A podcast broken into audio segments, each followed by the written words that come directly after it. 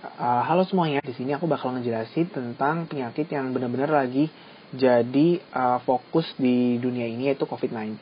Jadi COVID-19 itu merupakan penyakit baru yang disebabkan oleh virus corona. Di sini aku akan ngebahas COVID-19 itu dari sisi epidemiologinya. Satu kegawat, kegawat daruratan kesehatan masyarakat itu baru pada tanggal 30 Januari 2020. Itu baru pada tanggal 2 Maret 2020. Jadi ada selisih sekitar 2 bulan. Di Indonesia itu terus terus menerus meningkat. Begitu juga di dunia. Dan kondisinya adalah pada saat Indonesia itu positif itu, di dunia itu udah ada 90.870 kasus. Dengan jumlah negara yang terinfeksi COVID-19 itu ada 72 negara. Per tanggal 20 April ini, jumlah kasus COVID-19 itu cepat banget meningkatnya, udah di 2.423.498. Nah, uh, untuk uh, kasus kematiannya sendiri, jadi kematiannya itu hanya di 166.041 jiwa dan jumlah yang sembuh ini sudah mencapai 635.875 orang diperkirakan bahwa sebenarnya kira-kira itu case fatality rate-nya itu untuk di dunia itu adalah 4,9 persen. Nah, sedangkan kalau di Indonesia kondisinya gimana? Terakhir di Indonesia ini itu sudah ada sekitar 6.500 kasus.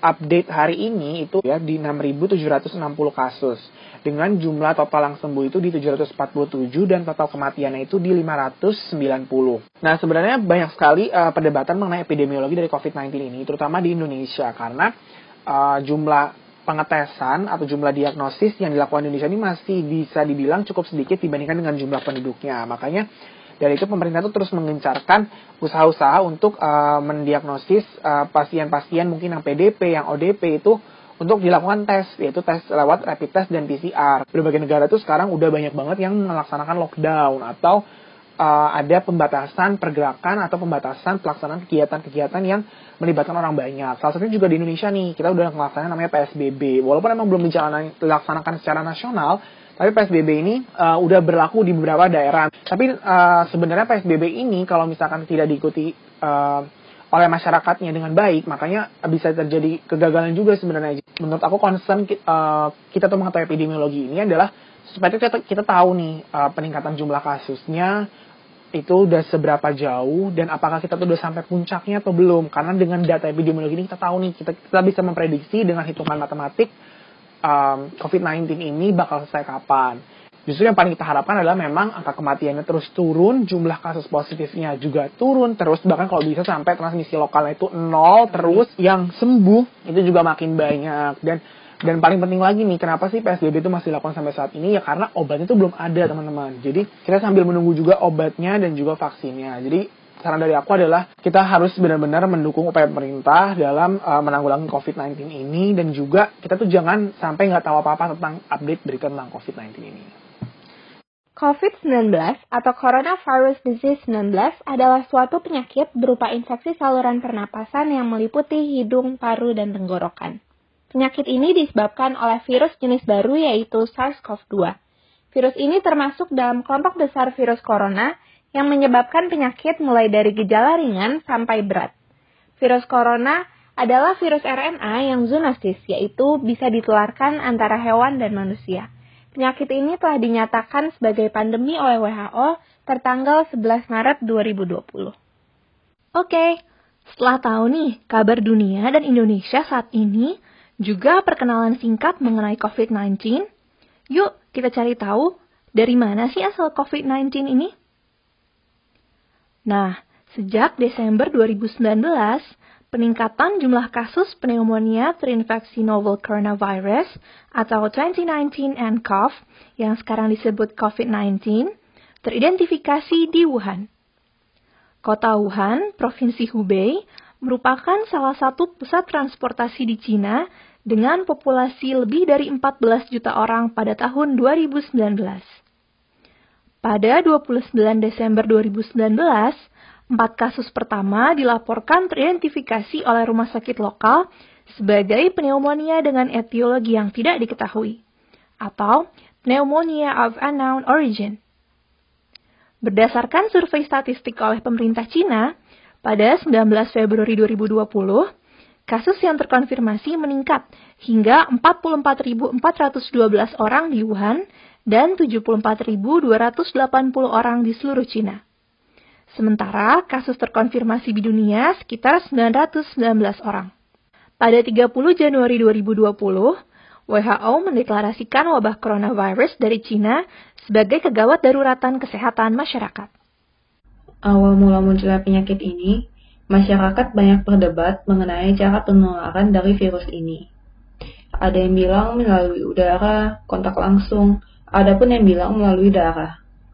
Nah, jadi gimana sih sebenarnya cara penularan dari penyakit COVID-19 ini? Seseorang dapat menangkap COVID-19 dari orang lain yang telah terinfeksi. Penyakit ini menular dari orang ke orang melalui droplet dari hidung atau mulut yang menyebar ketika seseorang dengan COVID-19 batuk atau buang napas. Tetesan ini mendarat pada benda dan permukaan di sekitar orang tersebut.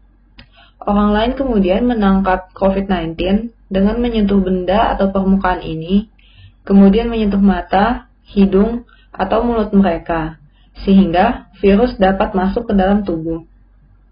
Orang-orang juga dapat menangkap COVID-19 jika mereka menghirup droplet dari seseorang dengan COVID-19 yang batuk atau mengeluarkan tetesan. Inilah sebabnya mengapa penting untuk tinggal lebih dari satu meter atau tiga kaki dari orang yang sakit. Oke, karena kita udah tahu nih cara penularannya, tentunya banyak hal yang dapat kita lakukan untuk mencegah diri kita dan juga orang lain agar tidak tertular virus ini. Nah, ada beberapa nih hal-hal yang dapat kita lakukan. Yang pertama, rutin mencuci tangan dengan sabun dan air mengalir sesuai 5 langkah mencuci tangan minimal 20 detik. Apabila tidak ada sabun, dapat menggunakan hand rub berbahan alkohol minimal 60%. Lalu yang kedua, hindari menyentuh mata, hidung, dan juga mulut. Tangan yang terkontaminasi dapat menyebarkan virus melalui mata, hidung, dan juga mulut untuk menginfeksi tubuh. Yang ketiga, melakukan etika batuk dan juga bersin, yaitu dengan menggunakan masker ketika batuk atau bersin. Nah, bila tidak ada masker, dapat menggunakan tisu maupun lengan dan tidak menggunakan telapak tangan. Yang keempat, dapat berdiam diri di rumah. Dan bila mengalami gejala-gejala seperti demam, batuk, dan juga sesak, harap segera datang ke fasilitas kesehatan. Yang kelima, menghindari kerumunan. Jaga jarak lebih dari 1 meter dari orang lain untuk menghindari penyebaran droplet berisi COVID-19. Mudah kan? Yuk dilakukan ya tindakan-tindakan pencegahan ini agar kita semua bisa tetap sehat dan terhindar dari COVID-19. Selain semua yang telah diberitahu oleh teman-teman saya yang lain, kita juga harus memperhatikan hal-hal ini, gejala-gejalanya, dan mereka yang berisiko lebih tinggi untuk terinfeksi dan mengalami tingkat penyakit lebih tinggi dari COVID-19. Orang yang terinfeksi COVID-19 telah dilaporkan memiliki gejala-gejala yang cukup luas, dari gejala ringan hingga penyakit yang lebih parah. Beberapa gejala umum termasuk demam tinggi, kelelahan, dan batuk kering. Gejala lain termasuk kesulitan bernapas atau sesak nafas, bergetar, dan menggigil berulang-ulang, dan sakit kepala. Selain itu, beberapa orang dilaporkan mengalami diare, mual, atau pilek. Gejala-gejala tersebut dapat muncul pada orang yang terinfeksi sekitar 2 hingga 14 hari setelah paparan pertama mereka terhadap virus. COVID-19 adalah penyakit yang benar-benar baru dengan informasi terbatas mengenai faktor risiko seseorang dapat terkena penyakit parah karena COVID-19 ini. Berdasarkan informasi yang tersedia saat ini dari CDC dan WHO, ada beberapa kategori orang yang berisiko tinggi untuk terkena penyakit parah dari COVID-19. Mereka adalah orang-orang yang lebih berusia 65 tahun atau bahkan lebih tua atau mereka yang tinggal di panti jompo dan fasilitas lainnya. Selain itu, orang-orang dari segala usia dengan kondisi medis tertentu sebelumnya seperti penyakit paru-paru kronis atau asma, kondisi jantung yang serius, penyakit ginjal, kronis, diabetes, penyakit hati, juga orang-orang yang imunokompromis, seperti mereka yang terinfeksi HIV, juga beresiko lebih tinggi untuk terkena penyakit parah dari COVID-19. Akhir-akhir ini sempat beredar video viral yang menyebutkan cairan antiseptik atau detol dapat membunuh virus corona bahkan hingga dijadikan cairan diffuser.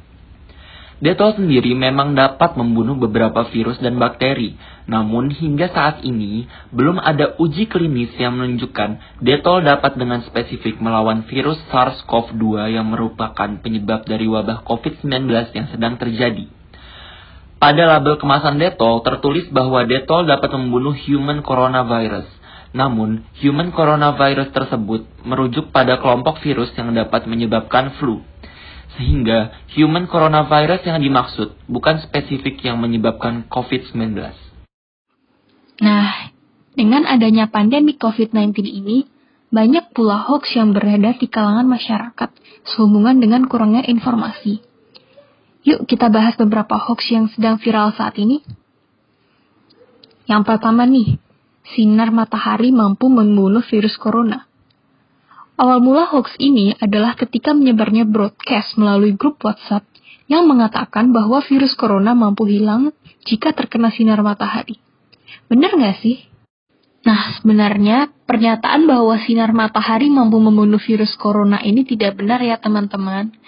Menurut Kepala Bidang Penelitian Fundamental Lembaga Biologi Molekuler Eijkman, Herawati Sudoyo, bahwa hingga saat ini belum ada penelitian mengenai hal tersebut. Dan yang sudah diketahui saat ini, virus tersebut hanya bisa mati pada suhu 56 derajat Celcius selama 30 menit, di mana suhu ini tuh tidak terdapat dari paparan sinar matahari. Bahkan, WHO pun menyebutkan virus corona ini tidak mampu dihilangkan dengan sinar ultraviolet sekalipun.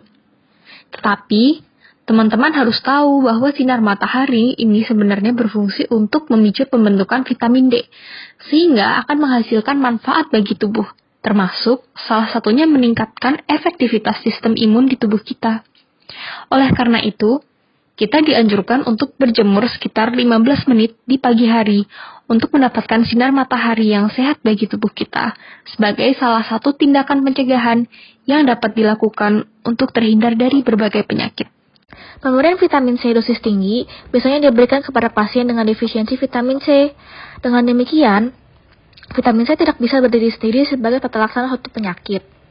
So, jangan sampai kita salah membeli vitamin C banyak namun tidak diimbangi dengan konsumsi nutrien lainnya ya. Konsumsi sesuai dosis dan anjuran merupakan Pihak dari pabrik Detol sendiri menyebutkan bahwa produk Detol antiseptik memiliki keuntungan membunuh berbagai jenis mikroba namun tidak spesifik hanya untuk virus SARS-CoV-2 penyebab COVID-19.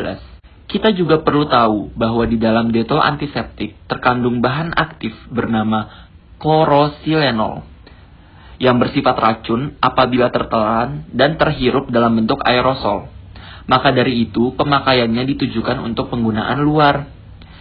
Jadi sekarang, yuk gunakan cairan antiseptik dengan baik dan benar sesuai penggunaan seharusnya. Jangan lupa untuk mengikuti arahan dari WHO dan CDC untuk rajin mencuci tangan menggunakan air dan sabun agar kita terhindar dari COVID-19. Nah, teman-teman semua udah tahu kan dengan jelas mengenai COVID-19 ini, mulai dari perkenalan hingga hoax-hoax yang harus dibasmi. Nah, untuk Indonesia sendiri gimana sih? Apa saja peran pemerintah yang sudah dilaksanakan untuk melawan pandemi ini?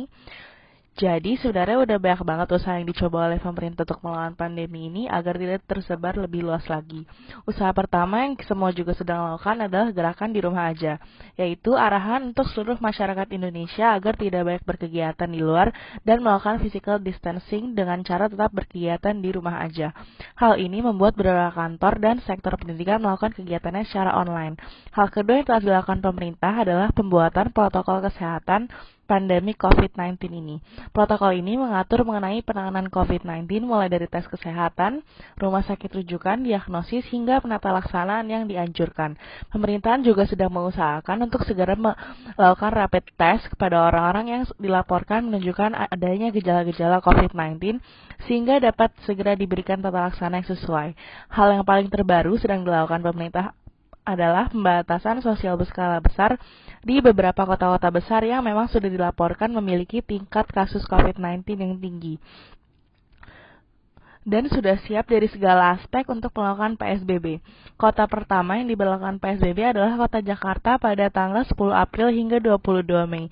Lalu diikuti dengan kota lainnya seperti Bogor, Bekasi, Depok, Tangerang, Bandung, dan 15 kota lainnya. Selain itu, dengan masuknya bulan Ramadan, pemerintah telah mengeluarkan larangan mudik kepada masyarakat untuk menghindari penyebaran virus lebih lanjut. Nah, untuk merangkum ini semua, pemerintah juga telah melakukan penyebaran APD terutama ke rumah sakit, rumah sakit yang sangat membutuhkan untuk melawan pandemi ini.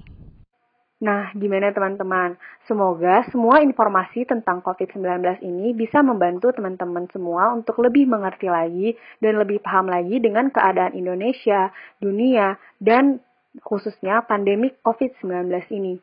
Yuk, mari kita semua jaga kesehatan dan ikuti aturan pemerintah dengan baik agar kita bisa melawan virus ini dengan sepenuhnya. Terima kasih telah mendengarkan.